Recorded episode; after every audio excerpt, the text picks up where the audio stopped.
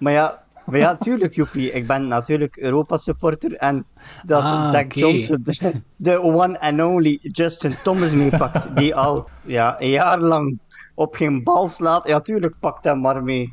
Ja, tuurlijk. Ja. Ja, shak hem maar in de rug. Met veel plezier. Ja.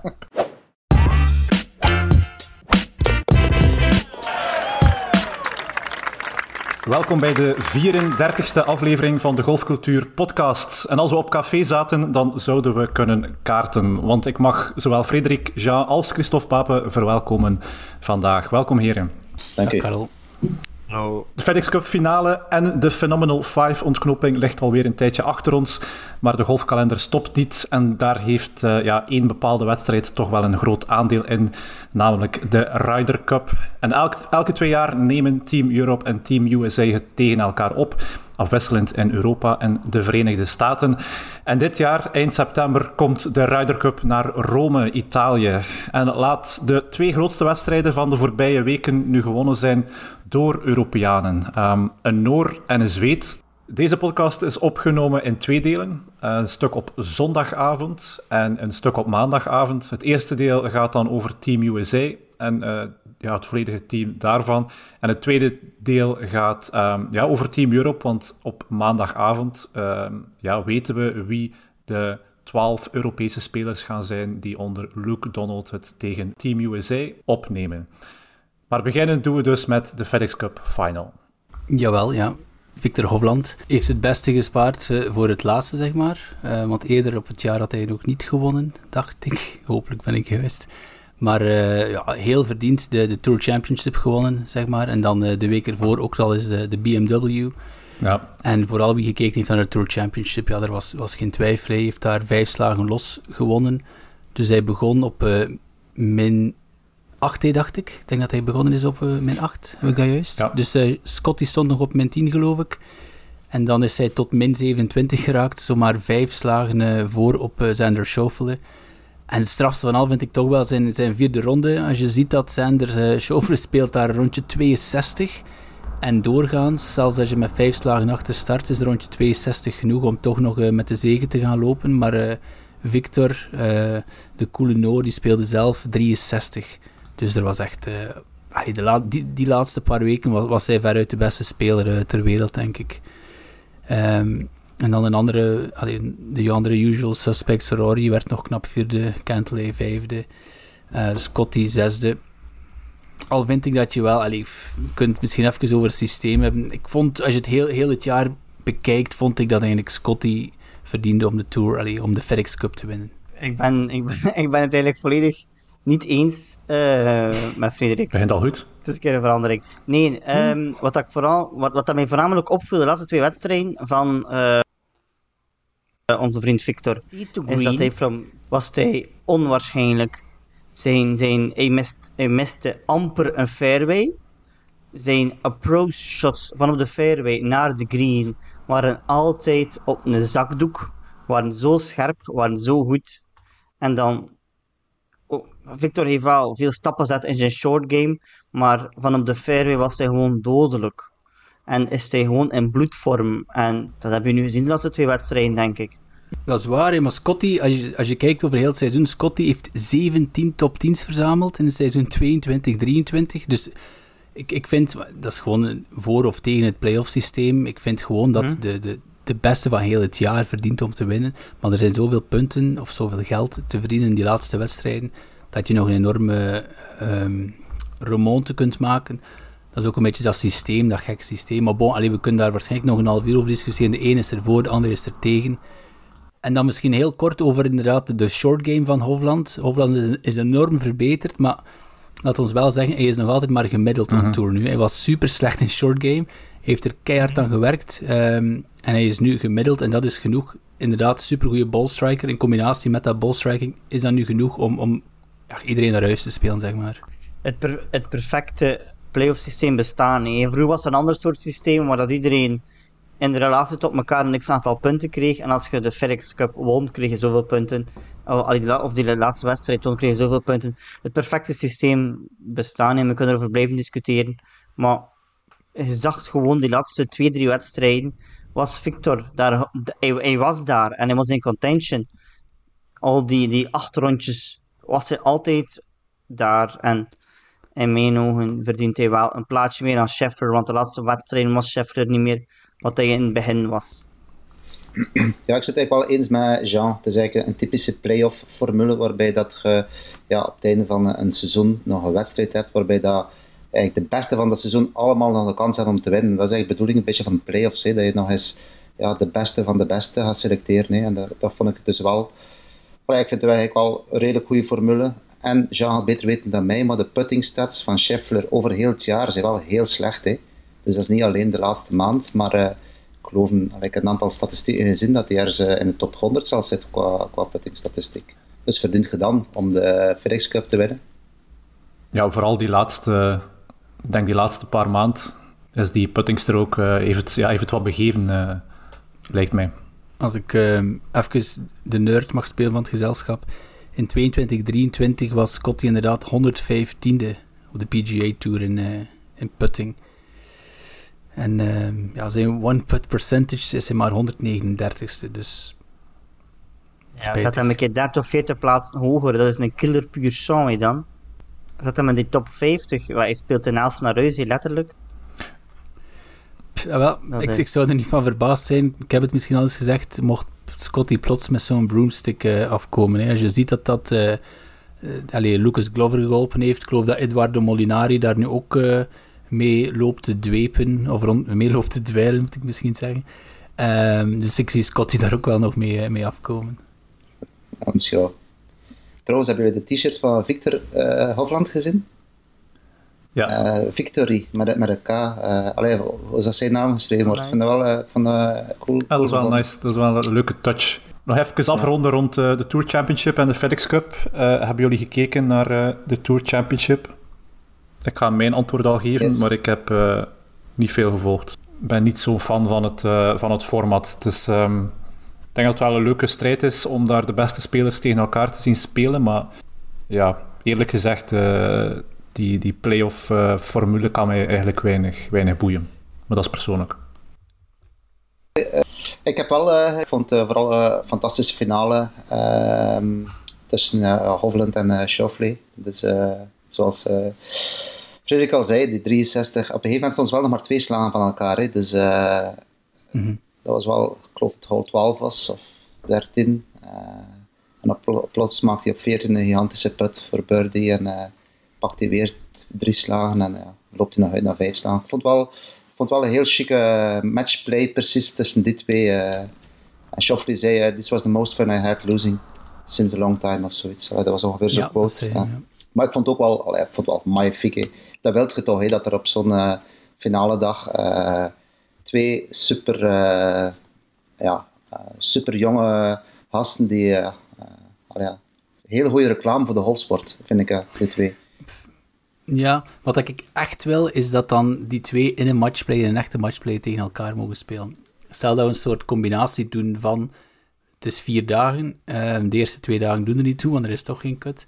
En, maar dat ze dan misschien toewerken naar een, eh, een matchplay-formule op uh, dag 3 en 4 misschien, om dan eigenlijk de laatste dag... Stel je voor, alleen matchplay, Hofland tegen uh, Zender. Nu was het ook een beetje matchplay-achtig, maar ja, als je natuurlijk al begint met vijf slagen achter, dan is het een andere manier van spelen. Hè.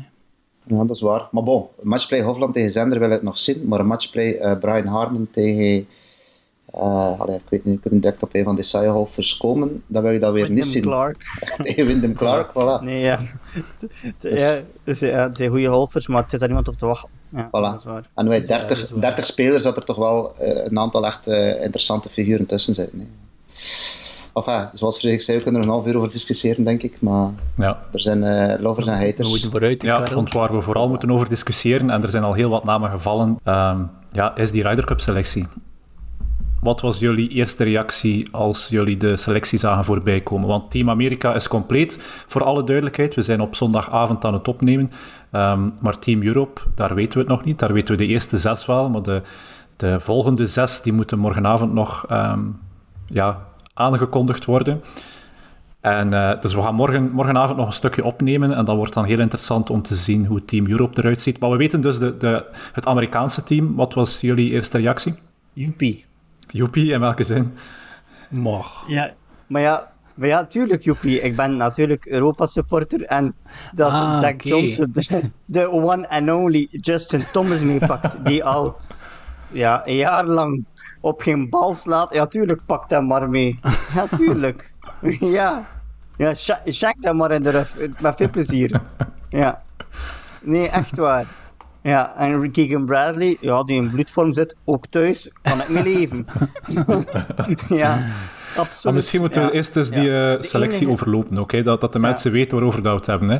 Dus inderdaad, uh, captain uh, Zach Johnson heeft daar zes captain picks, net zoals Team Europe, hetzelfde systeem. Sam Burns, Ricky Fowler, Brooks Koepka, um, Colin Morikawa en Jordan Speed en Justin Thomas meegepakt. En die komen bij de automatische qualifiers Scotty Scheffler, Wyndham Clark, Brian Harmon, Patrick Cantley, Max Homa, Max Homa en Xander Schauffele. Dat zijn de twaalf Amerikanen die naar uh, ja, Italië afzakken eind deze maand. Jean, je ging nog iets zeggen. De persoon waar ik echt wel, want ik ben echt wel pro-Europa in zo'n Ryder Cup gegevens. De persoon waar ik echt het meest schrik van heb, als het ware, dat zijn eigenlijk Xander Schauffele, uh, Max Homa en Brooks Koepka. Dat zijn echt dat zijn killers puur sang. En Europa gaat daar moeten kleppers tegen zetten die het best wel er zelf van moeten bovenhalen. Um, want dat wordt echt wel, dat worden harde brokken. Ja, zeker inderdaad. Schauffele en combo met Kentley, die twee zijn echt... Ik, ik weet niet wie van ons, die moet daar inderdaad al een, uh, een Hofland en een, uh, en een Rory of een Hofland en een Raam tegenover zetten. Want al de rest die wordt gewoon uh, opgegeten. Hè. Ja, want je kunt, sorry dat ik onderbreek, of kun je verder over vertellen, Frederik, maar je kunt als Team Europa, we hebben nu al, al zes namen, we gaan ze later wel vernoemen, maar die zes andere picks, als Europa, ze kunnen er niet permitteren om Hofland en McElroy in een combinatie te zetten. Want je hebt die twee nog altijd apart nodig om te kunnen strijden tegen anderen. Want we, laten we eerlijk zijn, op papier is Europa gewoon minder sterk op dit moment. Zelfs, we mogen de zes beste Europese spelers van dit moment, eh, ja, het blijft een lastig gegeven. En McElroy en Hofland, of Raam en Hofland, samenzetten tegen Schauffele en Kentley, ik vind het een groot risico. Christophe, schat jij het team even sterk in als eh, Jean doet? Het Amerikaans team? Um, ik vind het sowieso wel een sterk team, maar als ik me niet vergis, hebben de Amerikanen al 30 jaar niet gewonnen op Europese bodem. En elk jaar zijn ze wel zogezegd favoriet. Ze hebben ze sterkere spelers. Maar we mogen niet vergeten, het terrein dat ze op gaan spelen is geen Amerikaans terrein. Dus uh, ja, de gasten die wij hebben zijn veel minder uh, uh, marketingboys, zal ik maar zeggen. Ehm, maar is toch ook wel toptalent dat wij in onze ploeg hebben. Hè. Je hebt er juist al drie opgezond. Raam, Hofland en Rory. Allee, dat zijn drie van de beste spelers ter wereld. Die wij nog gaan aanvullen met nog kleppers. Hè. dus ja, ik denk wel dat we... Ik wil wel zeggen, de, de, zes Amerikanen die automatisch selecteerd zijn, dat, zijn, dat zijn echt allemaal megatoppers. Terwijl je bij ons daar al wel een Bob McIntyre hebt. Hè. Vind je uh, Wyndham Clark? McIntyre, uh, Wyndham Clark Brian, de US Open gewonnen. Hè. Brian Harmon, dat vind je de, vind je de kleppers? Allee, en... maar die hebben al twee een major gewonnen dit jaar. Ja, dat vind ik dan wel een klepper, ja. ja. Ja, ik vind het wel geen kleppers. Ze zijn major gewoon, maar ik vind het wel kleppers, ja. Ja, maar ik ging ook wel vragen, inderdaad, een, een, een Wyndham Clark en een, en een Brian Harmon, zou je die meenemen op basis van een major prestatie? En dus gaan die passen in zo'n matchplay-format? Dat, dat vind ik wel grote vraagtekens voor dat team. Die andere kerels, die hebben ervaring. Je weet dat die, dat die uh, ja, bijna, bijna elke week echt wel deftig kunnen presteren. Van die andere golfers heb ik dat Okay, Wyndham Clark misschien nog wel. dan Brian Harmon. Het zijn geen slechte golfers, voor alle duidelijkheid. Maar ik heb wel grote vraagtekens bij hoe consistent goed kunnen ze zijn op de momenten dat ze zeker daar moeten staan. Ja, maar je mag het ook vooral niet vergeten. Het is een Ryder Cup format, het is altijd een mm -hmm. dubbel. Oftewel spelen ze foursome, oftewel spelen ze fourball. Dus altijd een combinatie. Dus het is een beetje de, de, de, moet ik het zeggen, de combinatie van welke speler dat ze gaan staan. Ik hoop gewoon voor Europa dat, dat, dat Zach Johnson beslist, we gaan Brian Harmon en Wyndham Clark laten samenspelen. nul Ryder Cup ervaring. Ik hoop dat natuurlijk, maar dat gaat niet gebeuren. Ja, maar snap ik. Het is een combinatie. De eerste twee dagen zijn er, ja, zijn er heel veel wedstrijden in, in dubbel. Ja, dan is het gewoon de combinatie van de twee en dan is het gewoon ja. spelen we dat best met de druk kan omgaan. En, en Christophe, je moet dan ook weten, oké, laat, ons, laat ons nu nog zeggen aan de Wyndham Clark en een, uh, een Brian Harmon misschien bij de, twee van de mindere zijn bij Amerika. We gaan straks even al spreken over uh, Team Europe. Dan zijn die twee wel nog altijd een stuk beter, een heel stuk beter denk ik, dan de twee minste van Team Europe. Maar bon, dus voor straks misschien moet ik even ook eens mijn mening zeggen toen dat het, team mm ja, bekendgemaakt werd. En ik ben dan wel, ik ben ook uh, natuurlijk keihard Team Europe, Jean. Maar ik, ik voelde heel erg mee met een Keegan Bradley. En ik, vond dat die. En zelfs met een, met een, met een Glover. En dan denk ik van, ja, weet je, allee, waarom moeten die picks eigenlijk nog? Als het altijd toch de picks zijn die iedereen eigenlijk al verwacht. Ja, schaf dat dan eigenlijk gewoon af en doe gewoon anders automatisch selectie. Maar dat is nu weer, wat zijn ze? Henk Heine noemde het ook de, de Old Boys Club uh, bestaat nog. de Spring Break Club worden ze ook wel genoemd. En dan denken we natuurlijk aan uh, ja, uh, eh, JT mm -hmm. voor, vooral. JT die 71ste eindigde op de, op de FedEx Cup dit jaar, die um, drie van de vier major cuts gemist heeft, die, alsjeblieft, even goed luisteren, die dit jaar, ik spreek enkel over 2023, die dit jaar 159ste was in stats putting op de PGA Tour. Hè? Maar dat is het vriendje van, van Tiger Woods, het vriendje van Zach Johnson, het vriendje van uh, Jordan Spieth en Mr. Uh, America, zeg maar, dus qua sfeer kan dat wel tellen, maar dan gaat hij toch mee. En dan heb ik zoiets... Keegan Bradley wat, was wat negende of zo dit jaar op de, op de FedEx Cup. En die gaan niet mee. Lucas Glover wint twee keer in de laatste vier weken of zo. ik vind dat... Ik, ik had die jongens willen wil, wil zien een kans krijgen. Ja, ik ben het ermee eens. Van de opmerking van Zack, you just, you just don't leave JT at home. Ik snap het, ja, waarom niet? als het zo slecht is, waarom niet? Ook die, dat argument van ja, de good record. Ja, maar dat wil toch niks zeggen dat, die, dat, dat zijn vorm nu is. Allee. Ja, ik vind dat. Ik vind dat ja, ik, daar op mijn arm kop ervan recht eigenlijk van, van zo'n. Want inderdaad, zoals gezegd, eh, Bradley zei. De enige manier dat ik kan meedoen is door me automatisch te kwalificeren. En daar komt het eigenlijk wel een beetje op neer in dat boysclubje daar. Hè. Dus, uh, want Wyndham Clark pakte net uh, de plek over van Kupka, als ik me niet vergis, de zesde plaats op het einde. -hmm. En daardoor uh, is ze mee. En ik durf met redelijke grote zekerheid zeggen, als hij die niet pakt, is hij niet mee. Hè. Het zal, geen, zal geen piek geweest zijn. Hè. Kan. Ja, waarschijnlijk wel. Ja. Blijft, blijft altijd boeiend hè, dat de Amerikanen hun team kiezen en het is elke keer opnieuw is er altijd uh, ja, ophef en drama rond de selectie. Er zal nooit zijn, ah ja, makes sense, alle twaalf, ga maar mee. Het is altijd wel iets. Um, zijn er namen die je sowieso... We hebben het al een beetje gehad over de namen die we daar misschien niet hadden verwacht. En Justin Thomas. Zijn er nog namen die je had thuisgelaten? Goh, ja... Sam Burns is ook zo'n goede speler, hè, maar ik denk dat, dat Glover toch nog eerder had, uh, had gekozen. Gewoon omdat... Allee, ik weet niet wat hij meer moet doen om, om gekozen te worden. Um, en ik denk dat hij wel zijn mannetje ging kunnen staan. Allee, dat is ook niet... Die gaat al zo lang mee. Ja. We hadden het ook over een uh, Deschambault uh, daar straks. Moest een Deschambault in de selectie zitten? Moeten we aan onze live reporter vragen, hè? Maar los van Liv vind ik wel dat vind ik wel eigenlijk dat hij wel zijn plek, zijn plek heeft in dat team. Ja. Ik vind ook wel. Het is een unieke speler. Hè. Allee, ik, zou hem, uh, ik, wil hem, ik zou hem misschien niet meegepakt hebben, dat weet ik nu niet zeker. Maar ik, zou, ik had hem wel heel graag gezien. Ik ga trouwens gaan kijken naar de Ryder Cup. Dus uh, ik vind het wel jammer dat ik, uh, dat ik die keer niet in het echt ga, ga bezig zijn daar. want ja, die bommen dat hij slaat, ik vind het toch wel de max te zien eigenlijk. Ja, inderdaad. Het is een apart figuur en die wil je gewoon op het hoogste niveau zien spelen ah, op het grootste toneel. Plus, je speelt top in nu. Ze is, echt een, speelt goed, topvorm. Ja, ja. ja, dus... Of, maar het is misschien... Ja, Jean had dat beter weten, maar het is ook niet helemaal zijn terrein, denk ik. Dus uh, het is misschien dat is de reden dat hij volgens mij niet meegenomen is. zo smal, hè? Het is toch niet zo smal, dacht ik? Ja, Ze, zijn het al, ze zijn het al smaller aan het zetten, blijkbaar. Ja. Dat ze de fairways al veel smaller maken de ruf staat al veel langer dan dat ooit gestaan heeft. Blijkbaar de first cut is al zodanig uh, ja, vettig, bij wijze van spreken. Dat zal aan het oversproeien zijn. Dus ze zijn hem zodanig... Ik wil toch ook even aan Christophe, als je spreekt over Harmon, als het klopt wat Jean zegt, dan is dat een baan allez, echt op maat van Brian Harmon. Hè. Hij is niet zo lang, maar hij is zo regelmatig, slaat recht. En hij kan putten.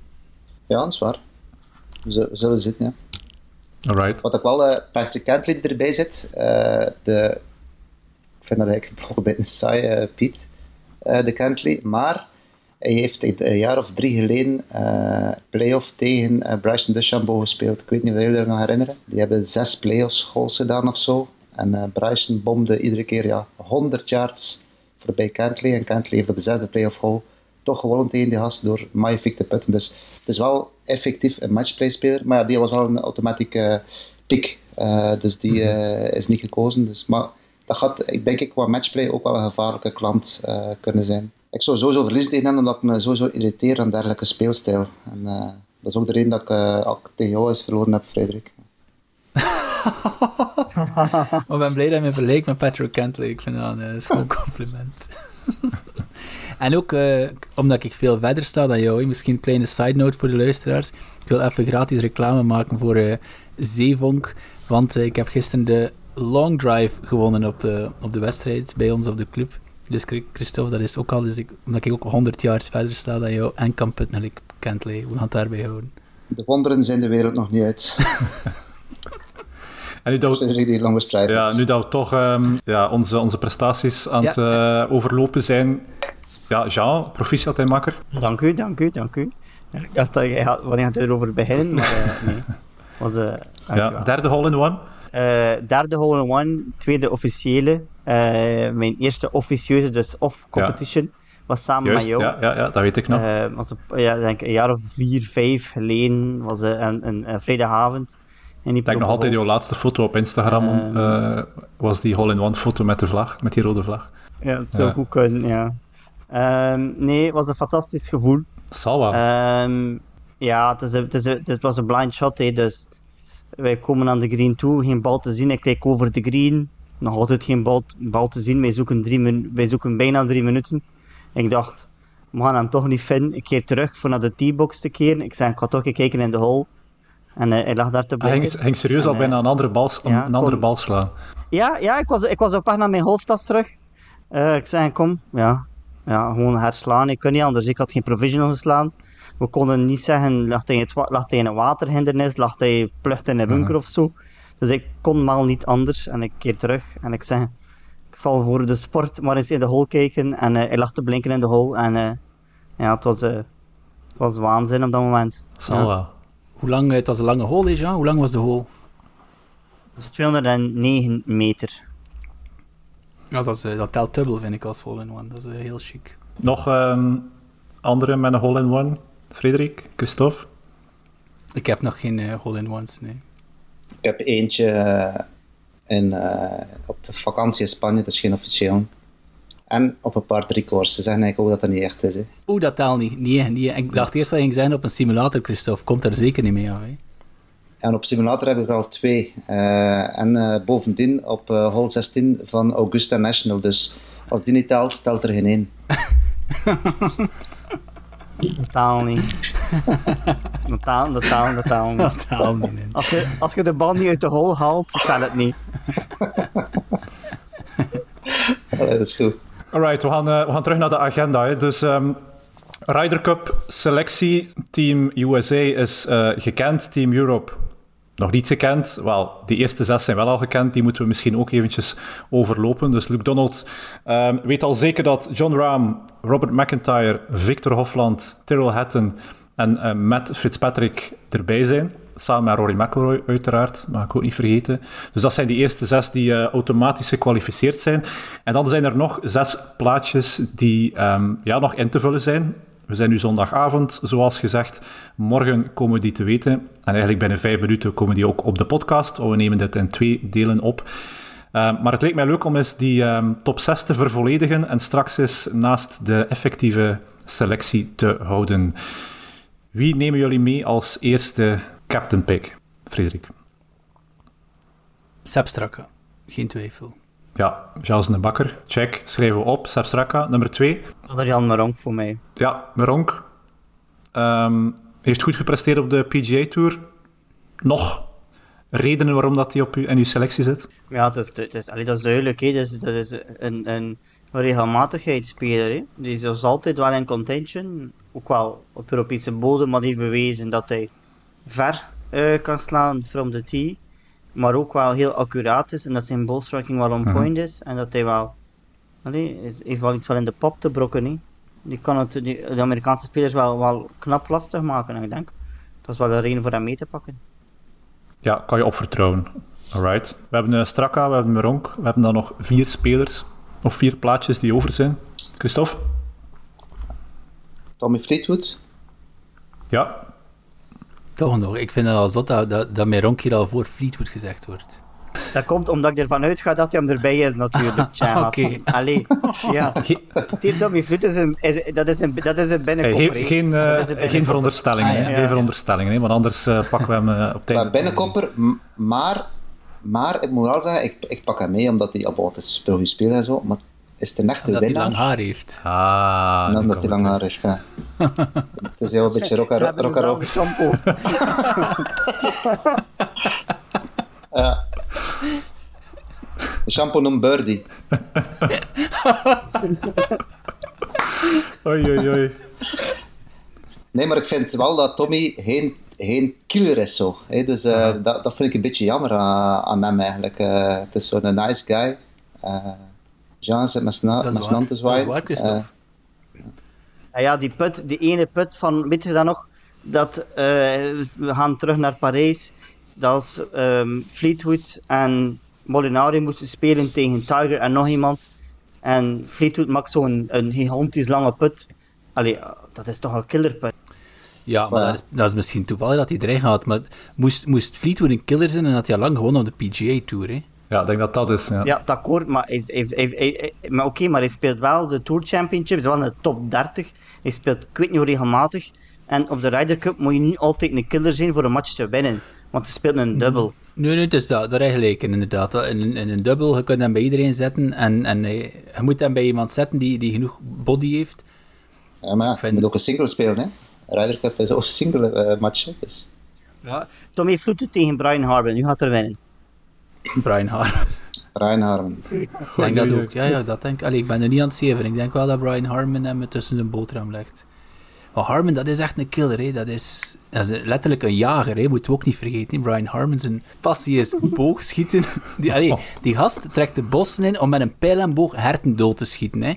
Dus, en dan heb je de, de, de, de heel sympathieke jongen uit Liverpool daar tegenover. Ja. Ja, dat zal moeilijk worden. Ik denk dat, ik denk dat ook wel. Maar bon, pak hem sowieso wel mee omdat, uh, omdat lang haar heeft. Ik vind het gewoon erg. Ik vind het moeilijk. Ik vind het nu al moeilijk. Hè. En niet moeilijk van, er is een weelde uit, uit kerels om uit te kiezen. Pas op, de volgende is nog heel gemakkelijk, maar dan wordt het heel moeilijk.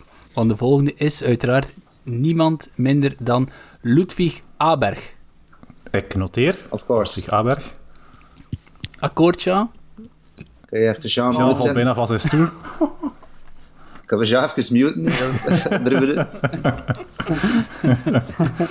Maar ja, ik bedoel, ik, ik versta de keuze. Ik begrijp de keuze. Ehm, maar het is nog veel te vroeg. Die jongen komt nog maar piepen. Het is niet dat hij... Oké, heeft echt als amateur heeft hij hoge ogen geworpen. Um, Oké, okay, heeft nu wel in Zwitserland in Croix Montana. Maar ik vind het te vroeg. Ik vind het te vroeg. Oké, maar oké, weet je wat? We, we, schrijven hem even op. En ze biedt, als we er 12 hebben, mag je mij zeggen voor wie dat je Aberg uit de ploeg zou halen. Okay. Dat, is dat, dat, dat, wil ik wel horen. Allee, echt serieus. Ik ben, ben, blij dat we overeenkomen uh, ja, samen. Ja. ja. ik, misschien moeten we de volgende... Mag ik even een andere een al pitchen? Shane Lowry. Dus Shane Lowry of Aberg, dat is eigenlijk al een... Oké, ik, ik, ben hier, ik ben hier neutrale, neutrale opschrijver van dienst. Uh, Shane Lowry op 5. Wie pakken we voor 6? De laatste plaats. Ja, een van de twee broers, hè. dus de Nicolai. Hooigaard, zou ik voorstellen. Daar kan ik goed mee leven. Ja, Jean is de Hooigaard van, hè? Ja, tuurlijk, ja. En dan, we hebben deze week ook een, een poll, een paar polls op onze Instagram gezet. Mhm. We hebben er ook gevraagd uh, wie van de Belgen gaat er mee. Was toch een aanzienlijk percentage? Ik zou eens moeten kijken hoeveel, denk ik, een stuk of 30% van de mensen die ervan overtuigd zijn dat D3 meegaat. En hier is er nu niemand die over D3 gesproken heeft. Jean, D3 of Aberg? D3. We moeten dat misschien wel zeggen, maar heb je Aberg vandaag gezien? Wat heeft die, die heeft vier birdies op rij gemaakt. Vier of vijf. Dat is een finish, jongens. Ongelooflijk. Dat is echt zo, Allee, die, dat is echt maar, achterstaan. En, en dan gewoon erover was. Die heeft Fitzpatrick bijna naar huis gespeeld hè, vandaag. Dat was... Ja, maar moet niet vergeten dat Aberg... Het is misschien een beetje... Ik dat misschien makkelijk vinden dat ik dat zeg, maar moet niet vergeten, Aberg zat niet in de laatste flight.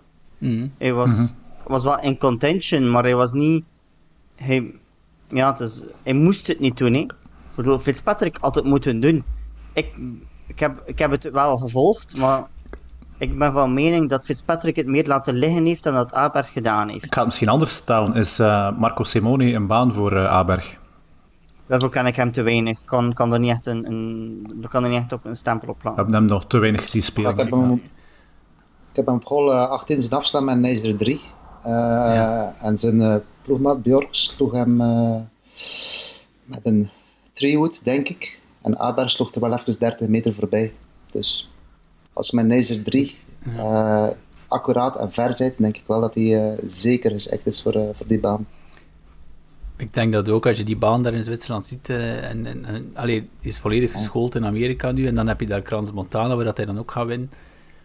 Ja, twijfel ik niet. Ik denk gewoon, allee, ik, ik denk, je, als Amerikaan als je, als je met wat, wat stress zit, je komt daar tegen de beste amateur van de laatste jaren. Heeft alles gedomineerd. Die, je weet dat hij naar de PGA komt. Komt aan de PGA, is wat, ik weet niet, vier maand pro of, of, hoe lang juist. Er is ook heel veel druk op zijn schouders. Want iedereen denkt dat hij hier de golden boy uh, van, van, ja, van de Europese golf, zeg maar, dit gaat maken. En hij doet het nu wel al, hè.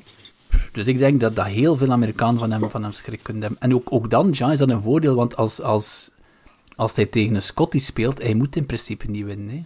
Iedereen verwacht dat Scotty wint, maar Aberg kan wel, kan wel ja, heel, heel, ik vind stressvrij spelen en serieus verrassen. Stressvrij spelen op de Ryder Cup, ik geloof daar niet echt in. Mm, nee, maar ik vind dat nogal, ik vind dat nogal een, ja, ik vind dat nogal een raar argument, los daarvan. Um, ik, ik, ik vind het te jong, omdat hij is, nog, is nog minder dan, hij is minder dan 10 maand pro. Ja, ik zou hem, hier hem nog tot de volgende Ryder Cup. En die gaan nog 5 of 6 Ryder Cup spelen op dit moment. We hebben ook een uh, poll gelanceerd vandaag op Instagram. Wie neem jij mee naar, uh, naar Rome voor Team Europe? Daar stond ook een naam tussen, uh, Jean, die ook heel graag hoort. Uh, Joost Luiten. En toen werd het stil. toen werd het stil. Zeer goed gespeeld vandaag. Ja. Victor Perez, ook niemand die over Perez praat. Hij is volledig weggedemsterd. Mm. Die heeft bijna wel een keer gewonnen in Dubai of Abu Dhabi. Vergeet mm het mhm. altijd. Met zijn majestueuze bunkershot. Um, tegen wind, backspin, hole-out, fantastisch. Maar dat was zo ja, een lichtpuntje. Maar that's it, hè. Zeg, zeg een keer welke picks die we nu hebben, Karel. We hebben Straka. We hebben Meronk. We hebben uh, Tommy. We hebben een Aberg. We hebben Roos in plaats van Laurie. We hebben dan Hoygaard als zesde. En dan nog een D3 die uh, in de kantlijn staat. D3 is er niet, denk ik. Dat was in plaats van Aberg. En ik zou zelfs durven Huygaard thuis laten voor Laurie. Oké. Okay. Dus dan hebben we Straka, Straka, Meronk. Voor Straka? Nee, Straka was 14 op de Tour Championship of zo. Kunt hij toch niet thuis laten? Nee, nee, nee, nee, nee. Je volgt niet, je volgt niet. Je zei mis, je zei mis, Frederik. Hij was gewoon tot overlopen. Ja. Even, okay. uh, dus Straka, Meronk, Fleetwood, Aberg, Rose en Laurie. Dat zijn de zes. Oké, straks gaan we onze selectie naast de officiële selectie leggen van uh, Luke Donald en al die andere captains van Team Europe. Maar eerst moeten we naar ons nieuw rubriekje, de Halfway House. En in de Halfway House bespreken we iets dat ons is opgevallen op of naast de golfbaan. En um, ja, voor deze aflevering gaat de Halfway House naar Jean.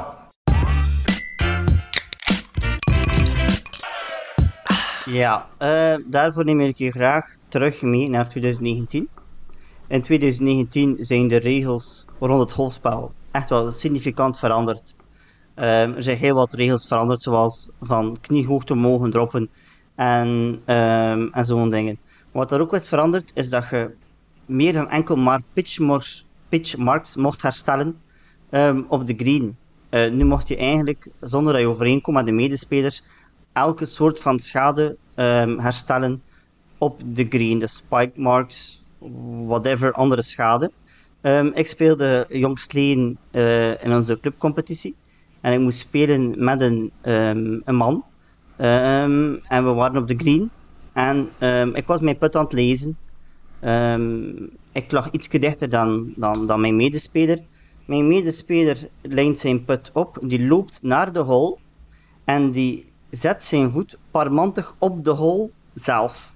Dus hij duwt de hole, echt, hij zet zijn voet los op die hole. Um, ik was verbouwereerd. Ja, ik was, ik, ik, was, ik was echt van mijn melk. Ja, dus voor mij zijn dat twee dingen. Hè. Dus één, is het legaal om de hol aan te raken? Ja, want je geeft aan dat de regels veranderd zijn en dat, uh, dat je inderdaad je, je, je, lijn mag aanpassen en corrigeren en uh, schade herstellen of eventuele schade herstellen. Maar hoort de hol daar ook bij? En twee, is het is het herstellen als je als je, je voet op de hol zet. Allee, ja. dat is al... Uh, één, is het legaal? En twee, maak het deel uit van, van herstellen. Allee, je voet op de hol zetten. Ik weet niet hoe dat je een ja, hol herstelt. was er schade? Ik vind... Als, als het gaat over, over schade herstellen, dan is dat iets wat je met je marker bespreekt. Dan zeg je van, kijk, dit is er met de, met de hole. Mhm. Stel dat er bijvoorbeeld uh, net daarvoor iemand een slam dunk gemaakt heeft, dat beschadigt de hole. Je komt erna, je zegt van, ja, hier is iets kijk, mogen we het herstellen? En dan doe je dat in overleg, denk ik. En je doet dat met je pitchfork. Je gaat daar niet gewoon lomp je voeten op zetten, denk mhm. ik. Dus als het over herstel gaat, is het dat. Ik heb dat nog nooit meegemaakt, Jean. En ik, ja, ik zou daar wel iets... Want je bent, zijn jullie met twee of met drie in een flight? Met drie. En de derde, wat, wat zei die daarop? We hebben heel, ja, moet ik het zeggen, uh, we hebben gewoon naar elkaar gekeken. En dat was heel veel non-verbale communicatie, dat we alle twee niet door de Um, we vonden altijd dat dat niet door de beugel kon, maar we hadden zo alle twee daarvoor al een beetje naar elkaar gekeken, omdat we vonden dat hij een paar holes daarvoor al veel te dicht bij de hole dropte, waar dat eigenlijk al, ja, we vonden alle twee al, al een discussiepunt en we woonden er denk ik alle mhm. twee geen, er nieuw een punt van maken. Dus dat, we kiezen voor de vrede en niet voor de discussie. Ja, maar dan, allee, dus, dus dan vraag ik me af, Jean, wat had je gedaan? Stel je speelt Interclub en jouw tegenstander doet dat. Wat, wat doe je dan? Hoe reageer je op zo'n moment? Dan zou ik voor te beginnen gewoon het spel stilleggen of doen stilleggen en de referee erbij roepen. Omdat, alleen gewoon stop voordat hij zijn bal speelt en dan gewoon een referee erbij roepen en zeggen van kijk, dat is gebeurd. Mag of kan dit niet? Ah, wel, ik uh, ga even de referee spelen en uh, ik heb natuurlijk heel even gegoogeld te zien dat ik heel de, de RNA, uh, het boekje uit mijn hoofd ken. Maar het mag niet, want dus rule 8.1a is dus against improving the line of play or one of the other conditions affecting the stroke.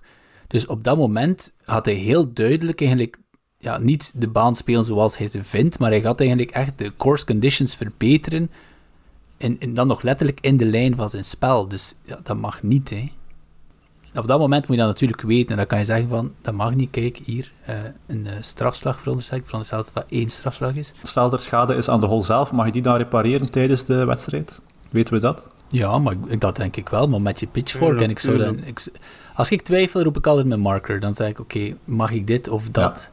Ik heb, wel nog, ik heb echt nog nooit iemand op de hol zien staan. nee. ik ook niet. Ik zou, en ik zou het sowieso niet laten passeren omdat ik anders uh, er zelf twee hols last van gaan van verdomme, kan er iets van te zeggen. Dus uh, ik zou het onmiddellijk adresseren en zeggen van ja, wat gaan we doen? Uh, ik ga het even uitleggen. Allee, ja. Want anders, anders blijf ik ermee zitten. Ik zou dat aan golfer ook wel naraden. Vanaf dat je het ziet dat niet door de beugel kan, ja, zeg dat gewoon van ja, oh, wat is er aan de, wat is er aan de hand? Maar dat is zo'n zo, zo klassieke, ja, dat is zo'n klassiek geen drama. En toch, like dat Christophe zegt, als je er niets van zegt, zit het wel in je hoofd en speelde er wel mee verder. Oké, voor jou was het nu niet erg, we hebben nog al in one gemaakt, maar in een andere situatie is dat wel van, hmm, ja, dat was niet juist. En, uh, en dan ga je nog ambeteren, of meer ambeteren aan kleine dingen dat je dan misschien daarna ook ziet van die, uh, van die speler. Dus algemeen advies, vanaf dat je het ziet waarvan dat je denkt, um, dit is niet correct, gewoon het meteen, misschien na de hol, um, ja, vermelden. Inderdaad. Zeg, ik heb uh, onlangs op, uh, op uh, Instagram een heel leuk filmpje gezien over de lijn. Dus iemand heeft zo'n systeem, een soort stimmeter, waarbij hij een bal laat rollen. En hij laat de bal vijf keer rollen, vijf keer erin. En dan loopt hij met zijn spikes heel de tijd over de lijn. loopt tien keer door zijn lijn laat de bal opnieuw vijf keer rollen, vijf keer opnieuw erin, wijkt niet af. Dus mhm. heel de mythe van uh, gewandeld in een lijn en mijn lijn wijkt daardoor af. Maar ja, wordt er wel heel veel meer onkracht. Wat ik eigenlijk ook mhm. wel, ik vind dat eigenlijk ook onnozel, want twee minuten voordat ik op de green kwam, heeft er iemand anders op de lijn ook gelopen. Mee. Dus, uh, ja, juist. Het is misschien een verschil als iemand uh, onder 50 kilo weegt en, ja. en, en, en op de hol gaat staan, dat is nog iets anders, maar maar ik vond het wel heel leuk om te zien dat dat... dat, dat ik heb dat ook gezien, ik vond het ook tof. Ja, weinig impact heeft. Oké. Dus daar moeten we ons ook al niet meer aan storen als iemand dat doet. Voilà. Zeg, de halfway house wordt, uh, ja, dat wordt een leuke rubriekje. Hè. Dat, gaan we, dat gaan we blijven doen. We gaan hier afronden. We hebben ons advies meegegeven. En um, ja, zo meteen gaan we zien wie er officieel in de Europese Ryder Cup selectie zit.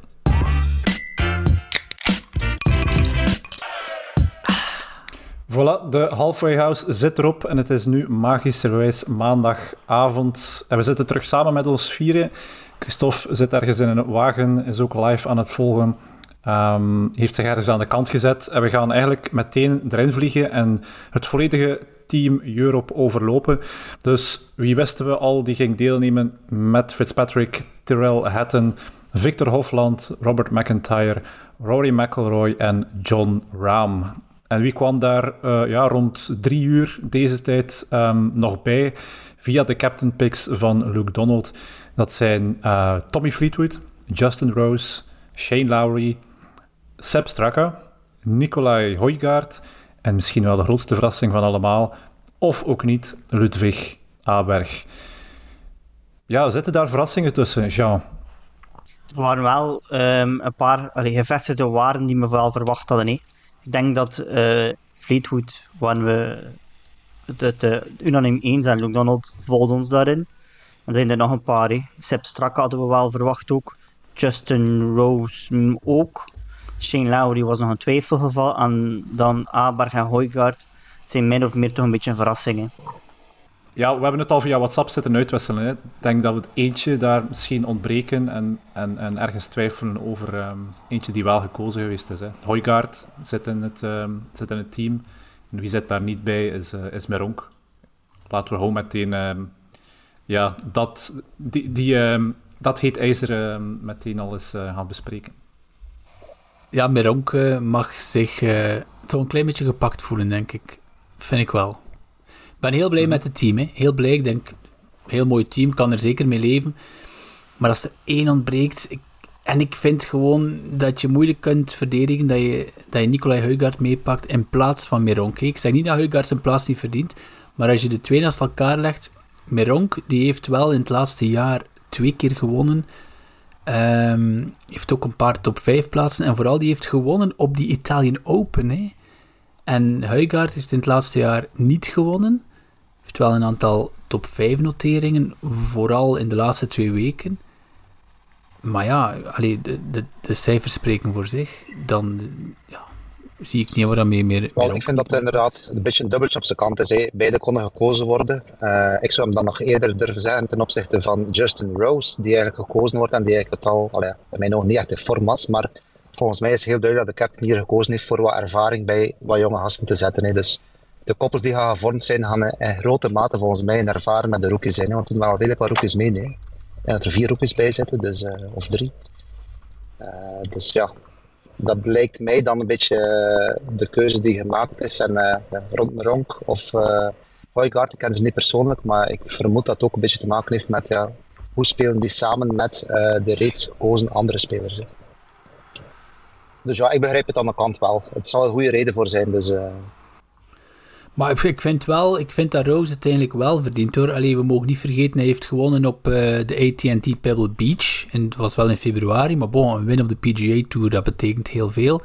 En hij was de laatste weken ook wel helemaal niet, niet slecht hoor. Hij was de 22e op de BMW Championship. Hij was twintigste in St. Jude, was nog vierde in de British Masters en dan nog achtste, ook nog in juni op de Canadian Open. Dus allee, combineer dat met een win op de PGA Tour dit jaar dan vind ik, ook, vind ik echt niet dat je om Justin Rose heen kunt. Plus zijn ervaring inderdaad. Want zoals hij zegt, Christophe, er zijn heel veel jonge knapen bij. Uh, we gaan ze ook eens kijken wie volgens ons goede duels zijn. Inderdaad, ik heb er net al even uh, snel op een kladblaadje de oefening gemaakt. Ik zet ook telkens eigenlijk een ervaren rot bij een, een, jonge, jong talent. Ja, ik ben wel eens benieuwd wie dat, ehm, wie dat die koppels gaan zijn. Want inderdaad, het zijn, het zijn jonkies hè, die in ons team, in Team Europe zitten. Als je dan dat tegen het Amerikaanse team zet, het zijn, het zijn bijna senioren die daar gaan spelen ten opzichte van Team Europe. Inderdaad, en ik herinner me nog een, een Ryder Cup met een fantastisch koppel, Rory McIlroy, samen met Thomas Pieters. En dat, dat bleek een droomkoppel te zijn. Dat was het jaar dat Thomas Pieters ja, meegedaan heeft en ja. vier van zijn vijf matchen heeft gewonnen. Dus ik zie hier ook wel weer een, een fantastisch koppel, Rory met Aberg, aankomen. Dus daar kijk ik wel naar uit. Wordt inderdaad wel de moeite, ja dat is wel een goede, goede combinatie. Ja, die heb ik ook genoteerd. Dat is ook mijn, mijn droomkoppel, Rory en uh, Ludwig Aberg. Zijn er nog uh, ja, koppels die, uh, die je samen zou zetten?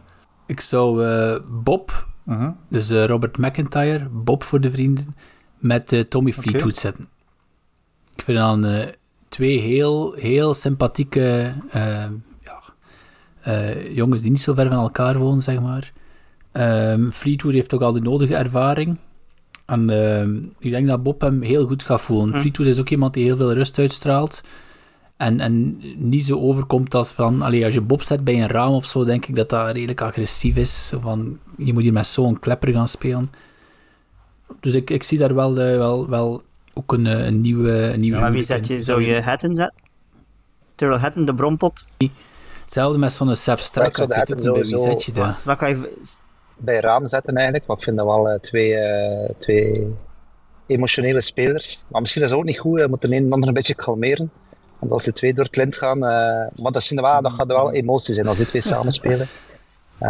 dus ja, ik... Ja, je hebt dat wel emotie, maar Hatton heeft ook al Ryder Cup ervaring. Ram heeft ook al Ryder Cup ervaring. Ik zou ik zou altijd een rookie met iemand spelen met ervaring. Ik zou bijvoorbeeld, ik denk dat Hatton en Straka wel goed zou kunnen samenzitten. Waarom? Omdat Straka er wel een beetje, uh, ja, rustig en is straalt rust uit, vind ik. Um, dat, is, dat is ook eventueel daarvoor opteren. Of Laurie en Hatton, dat is ook Ik heb maar vier koppels kunnen vormen en dan dat nog redelijk goed ik niet. Ja, ook juist, ja, ja, ja, goed team. Ik had hier Fitzpatrick, Fitzpatrick ja, en Raam. Ja, zeker. Vinden jullie daarvan? Ja, ik had die ook uh, genoteerd. Ja. En Hoijgaard, wie, er, wie speelt er in combinatie met Hoijgaard? Ik zou daar een Fleetwood bij zetten. Nee? Ja. Of een Rose. Hoijgaard en Rose. De oudste met de jongsten Ho of zo. Ja, ik had Rose nu bij, bij de allerbeste die we hebben, die jullie nog niet vermeld hebben. Ik had Rose mm bij Hofland gezet. Well, Hofland kan bij hem iedereen samen spelen. Hè. Ja, ik, ik, of dus, twee, uh, of twee, of twee, vikings, of twee vikings ja, samen. Ik denk dat ook. Hofland en Hoijgaard samen. Twee vikings. Ja, we hebben al de pairings quasi overlopen. Ik denk dat er een paar uh, logische tussen zitten. Er zullen ook een paar verrassingen wel um, naar boven komen. Of leuke verrassingen toch, tenminste. Um, en die pairings veranderen ook wel doorheen uh, de week of doorheen het weekend. Maar misschien ook eventjes aanhalen waarom dat die pairings zo belangrijk zijn. Het is uiteraard matchplay, team tegen team. Jean, kun je nog eventjes uitleggen hoe dat uh, een Ryder Cup format in elkaar steekt? Ja. Um, dus dat begint op vrijdag bij de competitie.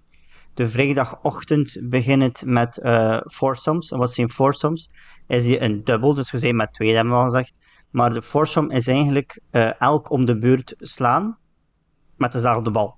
Dus de, ik zeg nu maar iets, Raam en Hatton uh, zitten in een team. Uh, Raam slaat op de oneven holes af en Hatton op de even holes. En dan is het dus vanaf die is dan aan de andere speler en zo tot het in de hole uh, in een matchplay format tegen Amerika. In de namiddag is dan ball. Wat is ball? Is nog altijd een duo natuurlijk, maar um, ja, speel je met twee ballen en is de beste score van het uh, Europa's team tegen de beste score van het uh, Amerikaanse team. Ook terug in matchplay natuurlijk. En het zijn zo acht wedstrijden per dag. Dus vier foursomes in de voormiddag, vier fourballs in de namiddag, vrijdag en zaterdag. En de zondag zijn het dan twaalf single matchen. Dus twaalf keer single matchplay tegen elkaar. En uh, dan kennen we de winnaar op zondag. Dus in principe wie dat er ja. eerste, wie, in principe dat er eerste 14,5 punt uh, verzilverd heeft de, heeft de beker. Uh, als, indien dat 14-14 is, is dan in dit geval Amerika die dan de beker mag behouden. Ja, dat ga je ook zien doorheen de Ryder Cup, is dat balkje daar van boven, blauw en rood. En de eerste die daar aan streepje 14,5 komt, ja, is gewonnen, hè? of heeft gewonnen. Marcus, Marco Simone, de baan zelf. Marco Simone, de baan zelf. Heb je daar nog wat over gevonden, Jean? Um, staat hier en daar wel iets op YouTube of op andere kanalen. Um, toen dat er uh, de baan Ik hoor jullie terug, maar werd verkozen tot uh, um, venue, zoals dat dan heet. En wat, heeft, wat, wat heeft Ryder Cup eigenlijk gedaan? Hij heeft gezegd van, oké, okay, bedankt. En ze hebben eigenlijk heel de baan omgewoeld en een volledige redesign gedaan. Dus eigenlijk uh, echt er een, een stadium course als het ware van gemaakt. Hebben ook al gezien tijdens menig uh, European Tour events dat wel een mooie baan is. En dat echt wel de moeite is. Dus ik ben benieuwd hoe dat de setup gaat veranderen nu ook tegenover de, van, allee, tegenover de Ryder Cup. Ja, want de Ryder Cup heeft altijd zo'n bepaalde atmosfeer nodig. Zoals dat mhm. je... Ik denk Parijs was een zeer mooi voorbeeld van zo'n stadium-achtig gevoel. Je had daar de fairways die heel diep zaten en dan de, de rough die eigenlijk ja, opgehoogd is daar. Waardoor dat je effectief wel een mooi uh, podium krijgt voor de toeschouwers om naar te kijken. Dat zal ook het geval zijn dan uh, in Italië daar. Zo meteen laat ik nog een WhatsAppje horen van uh, Kevin Hesbois, die daar een paar, uh, ja, die daar twee pro-ams gespeeld heeft, dacht ik. Dus het wordt heel interessant om zijn inside knowledge te horen. Goed, ik ga afsluiten. Heren, bedankt voor jullie um, ja, enthousiasme en expertise voor deze aflevering. En tot, tot de volgende. Ciao. Yo, dag Karel. Ik heb twee maal de baan kunnen spelen. De baan, zoals verwacht, was in, uh, in absolute topconditie al. Um, de he het hele design was super. Um, ook de indeling van de holes is, uh, is, een heel mooie mix van moeilijke en gemakkelijkere holes, waar het eigenlijk een heel uh, leuke matchplaybaan gaat zijn uiteindelijk, omdat er veel birdie kansen zijn en dan ook wel enkele holes zijn dat je gewoon echt moet um, twee of drie heel goede shots slagen om eigenlijk al gewoon een par te maken. Um, ja, eerste drie holes, zoals ik zei, zijn best moeilijk. Um, T-shots zijn belangrijk, tweede shots zijn belangrijk. Dan heb je een stretch van 4, 5, 6, 7 zijn relatief gemakkelijke holes. En dan uh, 8 is een lange par 4 over water, wat ook heel leuk gaat zijn uh, om te kijken hoe dat ze die gaan aanpakken. En dan 9 is een par 5 daar, dat is dan weer al een goede birdie opportunity. Dat, ja, dat gaat zo heel verder uiteindelijk um, doorheen de baan. En um, ja, ook uh, greencomplexen zijn ook heel goed gebouwd, zeg maar. Dat er heel veel pinlocaties zijn die ze kunnen um, zetten om de, ja, de hole op zich heel veel moeilijker te maken. Of dan net heel veel gemakkelijker te maken, waar er slopes zijn die de bal naar de hole gaan duwen. Of net omgekeerd, waar dat er plateaus zijn, maar dat ze enorm precies gaan moeten zijn met hun slagen. Dus uh, ook dat gaat heel, uh, heel interessant zijn. Verder, um, ik heb twee maal gespeeld. Mijn eerste keer speel ik ze een beetje blind. Um, dus ik schiet twee over par. En, um, maar dan, ja, mijn tweede keer schiet ik vier onder de baan. Uh, waaronder ik zeven birdies maak en vijf op een rij van die zeven. Dus dat was heel leuk om uh, op zo'n birdie run te kunnen gaan. En uh, wat ik ook wel ga verwachten van de jongens, zeker in baseball, als ze dan uh, met twee spelers gaan spelen en dan de beste, de beste score van die twee gaan kiezen, denk dat we dan wel heel veel birdies gaan zien, dat er gewoon veel meer kansen worden gecreëerd. Um, dus dat was heel leuk uiteindelijk. De finish is fantastisch. Um, hole 16, 17, 18 gaat een, een fantastische finish zijn om gewoon te zien van uh, er zijn gewoon drie holes waar dat je gemakkelijk birdie kunt maken. Maar uh, ja, als je dan ook een verkeerd shot slaagt, ja, dan ga je echt wel uh, ook in de penalty geraken uiteindelijk. 16 is een dribble par 4 met water rechts en voor de green ook voor een stukje. 17 is een heel leuke par 3 met lange, smalle green met veel plateaus op. Dus ook daar slaag je goede bal, kan je birdie kans creëren. Slaag je de verkeerde, dan is het een moeilijke twee put voor par. Um, en dan de laatste is de par 5. Uh, fantastische hole, downhill par 5. Waar dat t-shot daar echt wel uh, cruciaal is om, uh, om hem echt in het spel te leggen. En dan gaan ze kunnen aanvallen. Maar het tweede shot is ook niet gemakkelijk, want je staat ook scheef. Um, dus ja, alles gaat jou duwen om de bal eigenlijk links naar het water te slagen, links van de green. Dus ik ben eens benieuwd hoeveel marge ze gaan nemen en uh, of ze echt voor het hero shot gaan gaan, wat we ongetwijfeld zullen zien als de matchen tot op 18 gaan zien eindigen. Dan, ik denk dat we dan echt wel wat drama gaan kunnen zien op deze laatste drie holes. Um, en dan ja, last but not least, eigenlijk de belangrijkste factor is de ruf. Um, dus hoe de ruf is ingedeeld, je hebt eigenlijk een soort uh, semi-rough, eigenlijk best kort gemaaid, eigenlijk heel, uh, heel bevoordelend voor de spelers eigenlijk, net naast de fairway. Maar is ook eigenlijk maar een strook die maximum 2 meter breed is naast de fairway. En dan um, heb je de second cut of de, de primaire cut van rough um, en die is echt al enorm dik. Dus ja, de, ik denk dat die 30, 40 centimeter staat qua lengte en is echt gewoon enorm dik. Ik heb het gehad ook mijn tweede ronde op hole 10 uh, een paar vier dogelijk rechts met water rechts en uh, ja, best wel wat ruf links. En ik slaag hem wel geteld, denk twee meter of drie meter in de ruf links van, uh, van de fairway, dus in die primaire cut. En ik heb de bal letterlijk 30 meter ver kunnen slagen uiteindelijk. Dus ik ben eens heel benieuwd um, wat voor lies dat ze gaan hebben als ze in die, als ze in die slagen. En dan ja, de hoger zal maar zeggen, is echt wel een heel dikke, um, ja, lange ruf uiteindelijk. Uh, het kan van tot de knieën gaan tot en met uh, jouw heupen soms zelfs. Dus uh, het is echt wel heel, zeer penaliserend. Ik denk dat het een voordeel is van de Europeanen die zoiets gewoon zijn en meer ook hun spel um, gaan bouwen richting uiteindelijk fairways first. Um, ook al slagen de jongens die tot nu toe al gekwalificeerd zijn al heel ver. Maar dat ze toch wel een, uh, een iets meer uh, nadruk leggen op de precisie uh, van hun eerste slag. En de Amerikanen, ik denk dat zij gaan moeten gaan inboeten op de ja, op, op, op lengte uiteindelijk en een iets minder agressieve stijl soms. Maar ja, allez, ik weet dat enkele jongens die denken alleen maar agressief. Dus ik ben eens heel benieuwd hoe dat, hoe dat het spel zich gaat uitspelen. En uh, ik denk dat het alleen een fantastische baan is om, om een Ryder Cup te organiseren.